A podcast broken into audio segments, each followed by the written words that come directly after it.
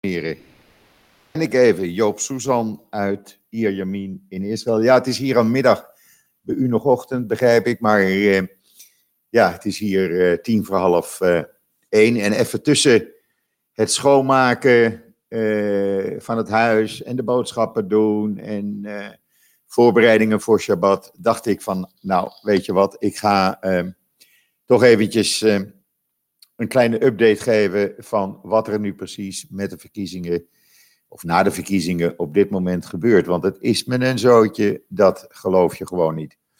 Wat is er aan de hand? Eh, nou, er is nu eh, ongeveer 99,8% van alle stemmen zijn geteld. Eh, en je mag ervan uitgaan dat die 2 tiende procent weinig of niet zal veranderen. Nou, de uitslag, alhoewel niet officieel, is dan dat eh, blauw en wit, eh, blue and white, from, van Benny eh, Gans, 33 zetels in de Knesset heeft behaald tegenover 31 van de Likud. Eh Likud had er 35 na de verkiezingen van april. En dan zult u zeggen, ja, nou, dan verliezen ze vier zetels. Nou, in wezen hebben ze acht zetels verloren. Want de Kulanu-partij van Moshe Kalon, die deed aan de verkiezingen mee deze keer onder de vlag van de Likud. En de Kulanu-partij had de vorige keer op eigen houtje vier zetels. Dus die moet je erbij optellen. En dan eh, is het toch zo dat, eh, ja, eh, je dan zit op een acht verlieszetels voor de Likud. Ehm, wat is nu de situatie? Nou, zondagavond gaat eh, president Rivlin, zondag eind van de middag, gaat hij beginnen met de eerste consultaties. Dat betekent dat alle partijleiders één voor één eh, zondag en maandag eh, bij hem op bezoek komen in Jeruzalem. En zullen zeggen wie zij als geschikte kandidaat vinden om een coalitie te proberen samen te stellen. Nou, is niet zo moeilijk. De rechtse partijtjes en de Likud natuurlijk en de drie orthodoxe partijen, die zullen allemaal Netanyahu naar voren schuiven. U weet inmiddels, als u eh, mij een beetje volgt, dat Netanyahu geprobeerd heeft eh, alle partijen die hem steunen in één blok onder te brengen en zich te presenteren als één partij. Nou, dat is te doorzichtig, daar zullen weinig mensen intrappen. Eh, en het centrumblok van Benny Gans, ja, die eh, hebben dus de linkse partijen, dat is eh, de Arbeiderspartij, Democratisch Front. Eh, en die kunnen op steun rekenen van de Joint Arab List, de Verenigde Arabische partijen die onder één noemer de verkiezingen zijn ingegaan. Dat betekent dat eh, als je die steun meerekent, dan heeft hij een mandaat van 57 Knessetzetels. En eh Likud, onder leiding van Netanyahu, heeft er 55. Geen van beiden dus zal eh, een meerderheid in de Knesset behalen. Dat betekent dat eh Lieberman nog steeds kingmaker is, oftewel de man die het kan beslissen. Eh, hij heeft gisteravond laten blijken dat hij zondag in zijn fractievergadering gaat voorstellen om Gans eh, voor te dragen. Dat zou een mooie zet zijn. En ik denk ook dat eh, de president na alle consultaties woensdag gaat beslissen om Gans een kans te geven. Uh, Netanyahu zal dat proberen te verhinderen, want er is hem alles aan gelegen dat hij de coalitie in elkaar timmert. Omdat hij dan uh, kan proberen premier te worden en zodoende aan vervolging voor fraude, et cetera, te ontsnappen.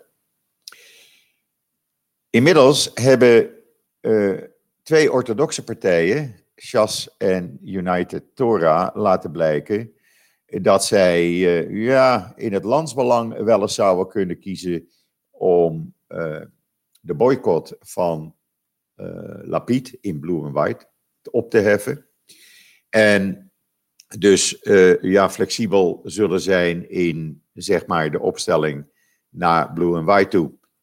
Dat betekent dat die hechte rechtse blok toch niet zo hecht is. Ook Ayelet Shakert heeft gezegd dat ze in het landsbelang zich niet aan de overeenkomst met Likud hoeft te houden. Uh, we zullen het zien. In ieder geval, uh, nogmaals, Netanyahu die probeert natuurlijk koet koet uh, te voorkomen dat Gans een regering in elkaar uh, gaat zetten. hij loopt daarbij wel een risico, want het rommelt binnen de Likud. Men wil hem één kans geven om een coalitie in elkaar te zetten. Lukt dat niet, dan zou het wel eens kunnen zijn dat uh, Likud hem gaat lozen. Omdat de Likud alles aangelegen is als partij regeringsverantwoordelijkheid te hebben. Ze willen hem die ene kans geven. Zijn eigen zwager heeft hem opgeroepen: ga nou met uh, Lieberman praten. Probeer hem te paaien in een rotatieovereenkomst, zodat hij ook een paar jaar uh, minister-president is. Nou, Lieberman heeft al laten blijken, daar begin ik niet aan. Uh, het is of met Likud zonder Netanyahu of helemaal niet. Um, als het zo is dat die twee orthodoxe partijen gaan zeggen van nou ja, misschien uh, als we dan toch in een regering kunnen zitten, gaan we Gans steunen. Ja, dat gaat ook niet lukken, want Lieberman heeft gezegd, ik wil geen coalitie met orthodoxe partijen. En Gans heeft laten blijken dat hij een brede liberale regering wil proberen op te zetten. En dat kan, hij kan zelfs een minderheidsregering doen als hij de steun heeft in de Knesset van de Arabische partijen. Dan heeft hij bij stemmingen toch altijd de meerderheid. Uh, ja, dan heb je nog uh, uh, de andere mogelijkheid die er dan overblijft. Er zijn, het, het zou zomaar kunnen dat Gans denkt van nou, misschien eh, kan ik een hoger resultaat bereiken met een derde ronde. En Netanyahu kan alles op alles zetten om die derde ronde te forceren, omdat hij denkt, eh, alles is beter dan Gans als premier. Of dat gaat gebeuren, het is allemaal aan uh, uh, president Rivlin volgende week. Dat wordt een hele spannende week. Ook heel spannend voor Israël als democratische staat. Uh, inmiddels is er een peiling gisteren uitgekomen, gisteravond, waarin blijkt dat 61% van de Joodse Israëli's geen regering voorstaat met orthodoxe partijen. Men is die blackmail, die chantage vanuit die orthodoxe hoek een beetje zat. Uh, 90% van de blue and white stemmers wil geen orthodoxe partijen en 51% van de Likud-stemmers ook dat zal een rol meespelen bij de uiteindelijke beslissing wie een kans krijgt om een regering in elkaar te zetten. Volgende week gaat het circus door. Ik noem het maar een circus.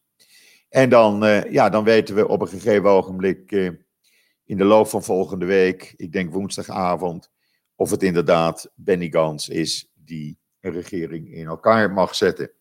Inmiddels is het nog steeds opvallend dat meneer Trump nog niets heeft laten horen aan Netanyahu. Eh, betekent dat die uh, vriendschap waar Netanyahu zich zo op beroemt, dat die toch niet zo uh, hecht is als Netanyahu denkt en zegt. We zullen zien wat er gaat gebeuren. Het is in ieder geval spannend. Uh, het is zo spannend dat ik merkte dat de gesprekken in de restaurants in de shoppingmall, waar ik even wat boodschappen moest doen, net, dat ging alleen maar over de politiek. Ik hoorde de mensen alleen maar praten over politiek en dat was het. Andere onderwerpen zijn er op dit moment niet. Ik vind, ik vind het wel fijn dat de Shabbat vanavond begint. Dan hebben we even rust. Eventjes uh, het verstand op nul. En dan gaat zondagmorgen, of morgenavond al eigenlijk, op alle televisienetten het verkiezingscircus, het politieke circus weer door. Want politiek leeft wel in Israël, dat moet ik u wel zeggen. Uh, het blijft spannend. Komt er wel een derde ronde, komt er geen derde verkiezingsronde. Voor mij en voor een heleboel Israëli's hoeft het niet. En iedereen zegt eigenlijk, weet je wat, laat kans het nou maar lekker doen. En dan uh, hebben we even een tijdje rust. Dan hebben we een normale regering zonder corruptie, zonder uh, allerlei toestanden eromheen. En dan kunnen we ook werken aan een, een vredesovereenkomst met de Palestijnen. We zullen zien wat er gaat gebeuren. Dit was even een korte update. Uh, ik hou het binnen de 10 minuten. Ik kom, ja, als er niets bijzonders gebeurt, misschien morgenavond live nog even bij u terug en anders zondagmorgen. En zondagmiddag is natuurlijk de reguliere podcast met alle nieuwtjes die er in Israël gebeuren. Uh, hou ook joods.nl in de gaten, want ook daar komen af en toe nog updates. Dan wens ik u alvast nog een uh, Shabbat Shalom voor iedereen vanuit uh, Ierjamin, waar het op dit moment